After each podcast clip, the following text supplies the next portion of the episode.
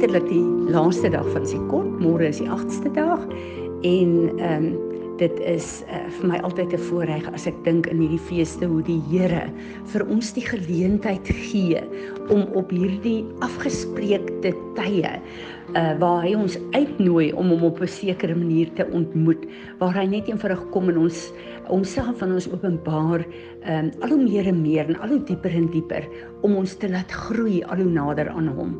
So hierdie is my baie baie spesiale tye. En ek het al daaroor gepraat, maar ek wil weer eens vir julle sê, baie mense dink uh wat dit nie verstaan nie dat die feeste is feestydde van die Jode. En ek het uh dink ek op een van die potbeens julle verwys na Genesis 1 vers 14 waar God tyd letterlik ingestel het en waar hy die feestydde the appointed times daar gestel het wat hy ons uitnooi om hom te ontmoet. Uh hoe lank tot in alle ewigheid. So gedurende hierdie tyd van Sikot hier op aarde, wonder ek wat vier hulle in die hemel. En ehm um, ja, die hemel en die aarde saam sal getuig van die heerlikheid van ons God. So is my altyd lekker as ons hierin is. Ek gaan ver oggend nou by die gemeente 'n uh, uh, baie meer deeglik praat oor 'n uh, Sikot en die betekenis daarvan en wat ons alles doen daar. Ehm um, ek uh, wil julle nooi om op die Facebook uh te luister na vanoggend se diens. Ek dink daar is nogal baie uh openbaringskennis wat die Here vir ons gee om vir ons 'n beter verstaan te gee en dan ook vir ons te sê hoe belangrik is dit om hierdie feeste te vier. Ons moet een ding weet dat uh, ek en jy is uh, die afgesnyde lote, die gentiles wat ingeënt is in die ware olyfboom, in die ware wynstok. En daar daar dit beteken dat waar ons ook al gegroei het in ons wilde ongeredde tyd. Ons is afgesny van daar en ons is nou ingeënt. Dit wil sê daar is baie van die goed wat God wil hê ons moet doen wat ons nooit voorheen gedoen het nie. En een van die uh, uh plekke wat ons uh, God ontmoet is met die feeste van God. Uh die van julle wat meer wil leer van die feeste van God, daar's 'n boek wat Dr. Richard Booker geskryf het, Celebrating Jesus in the Biblical Feasts, nie die Joodse feeste nie. En dit is regtig waar hier onder staan ook discovering the significance uh, to you as a Christian. So dit bring nogal regtig vir ons baie insig uh wanneer ons hierdie goed uh, lees en dit maak ons baie opgewonde. ek wil ietsie aanraak wat uh baie mense al baie oor redenasies gehad het. En dit is wanneer is Jesus se verjaarsdag? Jesus se verjaarsdag is gedurende Sikot. Wat beteken Sikot? Dit beteken God is tabernacling with you. So dit is toe God Jesus aarde toe gestuur het as 'n mens wat vlees geword het, wat moes lewe, wat vir ons 'n pad moes maak tot dat ons in alle ewigheid weer saam met hom kan lewe en teruggekoop kan word in die koninkryk van God.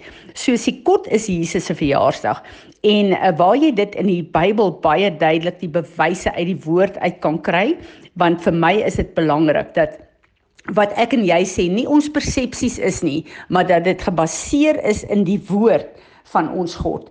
Nou as ons kyk na die hele uh, geskiedenis van Johannes die Doper, ons weet dat Johannes die Doper was 6 maande ouer as Jesus, nê? Nee, die hele plek waar Maria na Elisabeth toe gaan het, sy was al 6 maande en Johannes die Doper letterlik opgespring het in haar baarmoeder. So ons weet uh, Johannes die Doper Die een wat 'n pad vir Jesus moes kom maak, is 6 maande ouer as sy neefie Jesus in die fisiese.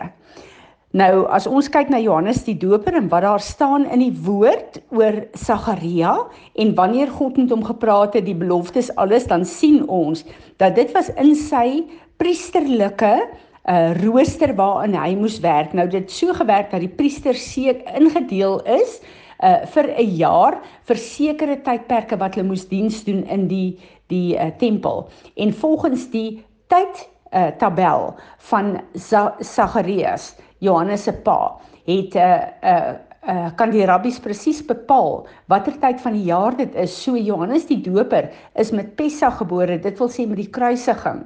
Wat ons vandag vier is die kruisiging van Jesus. Uh Johannes die Doper is uh in daai fees is hy gebore. En daarom weet ons 6 maande na Johannes die Doper gebore is, is Jesus gebore. En dit bring ons presies in die middel van Sikot. En daarom weet ons baie baie duidelik dat Jesus se geboorte is in Sikot en nie in Desember soos wat ons in die sekulêre wêreld geleer het nie. Nou ons almal weet en dit al lering daaroor gehad dat uh, die 25ste Desember is eintlik 'n uh, eh, die fees van die songod en ander afgode en uh dat op 'n tyd het het uh, 'n uh, koning gekom en gesê, "Maar kom ons maak die feesdag van al hierdie gelowe almal een dag en hulle het Kersfees die ingestel dan ook as die sogenaamde geboorte van Jesus wat heeltemal 'n misleiding is." Maar 'n vraag wat die Here my hierdie jaar mee konfronteer, wil ek julle mee konfronteer. Ek is op die 7de Junie gebore.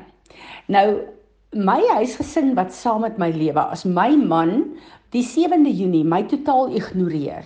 Maak of dit 'n gewone dag is. Nie my verjaarsdag saam met my celebrate nie. My spesiaal laat voel spesiale goed vir my doen en 'n geskenk vir my bring en ehm uh, as hy dit net eenvoudig ignoreer, gaan ek verskriklik seer gemaak voel. Ek gaan vreeslik verwerp voel.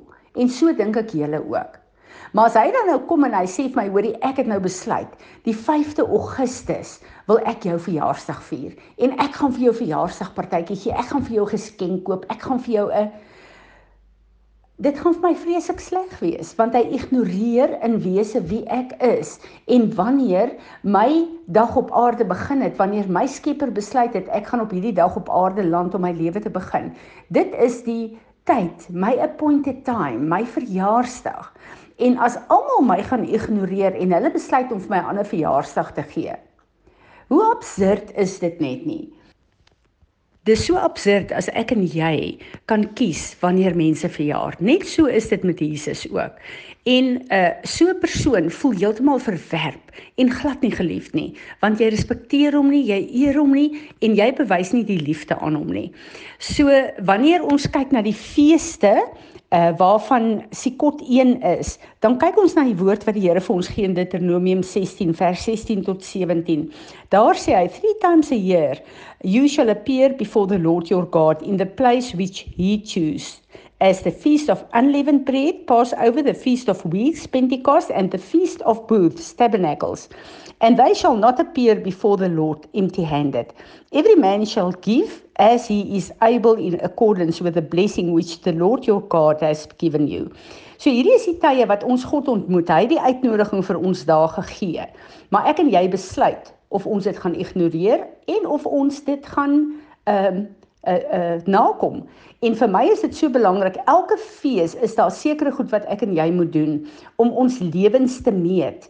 Waar staan ons in God se tydtafel, sy kalender, maar waar staan ons ook in ons verhouding met God en hoe ons behoort te lyk gedurende hierdie feestydde? So vir my is dit absoluut tye van genade wat God ons gee om bietjie tot stilstand te kom in hierdie besige lewens. En gedurende hierdie tyd is dit 'n plek waar ek en jy die Heilige Gees embrace wat in ons kom tabernakel het, want ek en jy is ook 'n tempel van God. En hier kan ons vir vir die Here vra, Here, in hierdie tabernakel wil ek hê U moet U standaarde, U beeld, U gelykenis al meer en meer na vore laat kom. En dit is so belangrik om te weet dat wanneer ons na hierdie feestydde toe gaan, as ons hierdie afsprake nakom, is dit 'n tyd wat ons spesiale offerings vir die Here gee en dit word gewoonlik first fruits genoem wat regtig waar 'n groot groot betekenis en 'n krag het in die gees. En daarom ehm um, ja, uh, ek het 'n boek geskryf oor finansies, die van julle wat ehm uh, wat wat ek al hierdie goed in beskryf uh die van julle wat dit graag wil lees, kontak my of kontak Willa. Uh ons het in voorraad, maar uh ons moet die Here kom aanbid op die manier wat hy ons roep om hom te aanbid. Maar hierdie is letterlik soos die Engelse sê 'n rehearsal van uh wat eendag gaan kom. Hoe meer ons gehoorsaam is wat God ons geroep het om te doen, hoe ehm uh, uh wonderliker is dit vir ons om te verstaan hoe die ewigheid werk. Piet, sal jy asseblief vir ons 'n bietjie hier bid en veral ook bid vir openbaringskennis van die Here af. Heilige Gees, ek hoef vir vir dit dat een elkeen van ons sal kom en in saam met ons kom tabernakel, Here, hier waar ons nuwe tye loop. Jy wen selfs al luister ons hierdie podcast lank na die tyd, lank as hierdie tye verby is. Jy weet dit ons vir 'n oomblik sal stil word dat dat ons vir 'n oomblik intiem by U sal kom sit. Jy weet dit U die intimiteit vir ons sal versterk en dat ons werklik by U voete sal kom sit, Here Jesus. Jy weet dit dat U werklik hierdie goed vir ons sal begin oopbreek. Jy weet dit ons vir 'n oomblik sal stil word en in werklik in dieper in ons verhouding met U ingaan. Jy weet dit ons begin dink wat dit beteken om 'n verhouding met U te hê. Jy weet hoe daai verhouding lyk, hoe die pad vorentoe lyk, waar ons nou is, waarheen ons gaan. Jy weet dit dat U hierdie beginsels vir ons oopbreek. Jy weet dat U jy weet dat hierdie ding nie maar net weer religion word nie. Dit weet nie nog 'n ding word waar ons mekaar met die Bybel oor die kop slaan en sê maar jy mag dit nie so doen, jy moet dit so doen of jy moet dit so doen of jy moet dit hier doen. Jy weet maar dat dit 'n ding sal wees vir ons in liefde nader mekaar sal kom as die liggaam van Christus. Here wat die verhouding van u kinders sal versterk en die koninkryk sal uitbou op hierdie aarde. Jy weet dit nie 'n ding sal word waar ons mekaar sal begin veroordeel en laat skuldig voel en eintlik net mense sal wegdraai van u af nie. Jy weet daarom wil ek vra dat een elkeen van ons sal harte sal inkom. Jy weet dat u dit vir ons sal oopbreek en dat u die openbaringskennis vir ons sal gee. Jy weet dat u vir ons sal wys waar ons in die proses ons is. Jy weet wat ons op hierdie stadium doen wat ons veronderstel is om te doen, waar ons moet wees, tewe en hoe u ons net kan geniet op hierdie stadium. Jewe ons wil graag op hierdie stadium by u kom sit, by u voete kom sit, Jewe dat u ons kan geniet. Nie vir wat ons wil hê nie, nie vir wat ons kan kry uit nie, Jewe nie vir wat u vir ons kan doen nie, nie vir nog 'n blessing nie, Jewe. Jewe maar net dit u ons kan geniet, vir dit wat ons vir u kan doen, Jewe, want ons wil u gesig sien. Ons wil nie sien wat U vir ons kan doen nie. Ons wil waarlik U gesig sien, Here. En ons wil waarlik U aanbid vir wie U is. Nie omdat ons noodwendig iets sal kan uitkry nie, Here. Here, help ons in hierdie plek. Dankie, Here. Amen.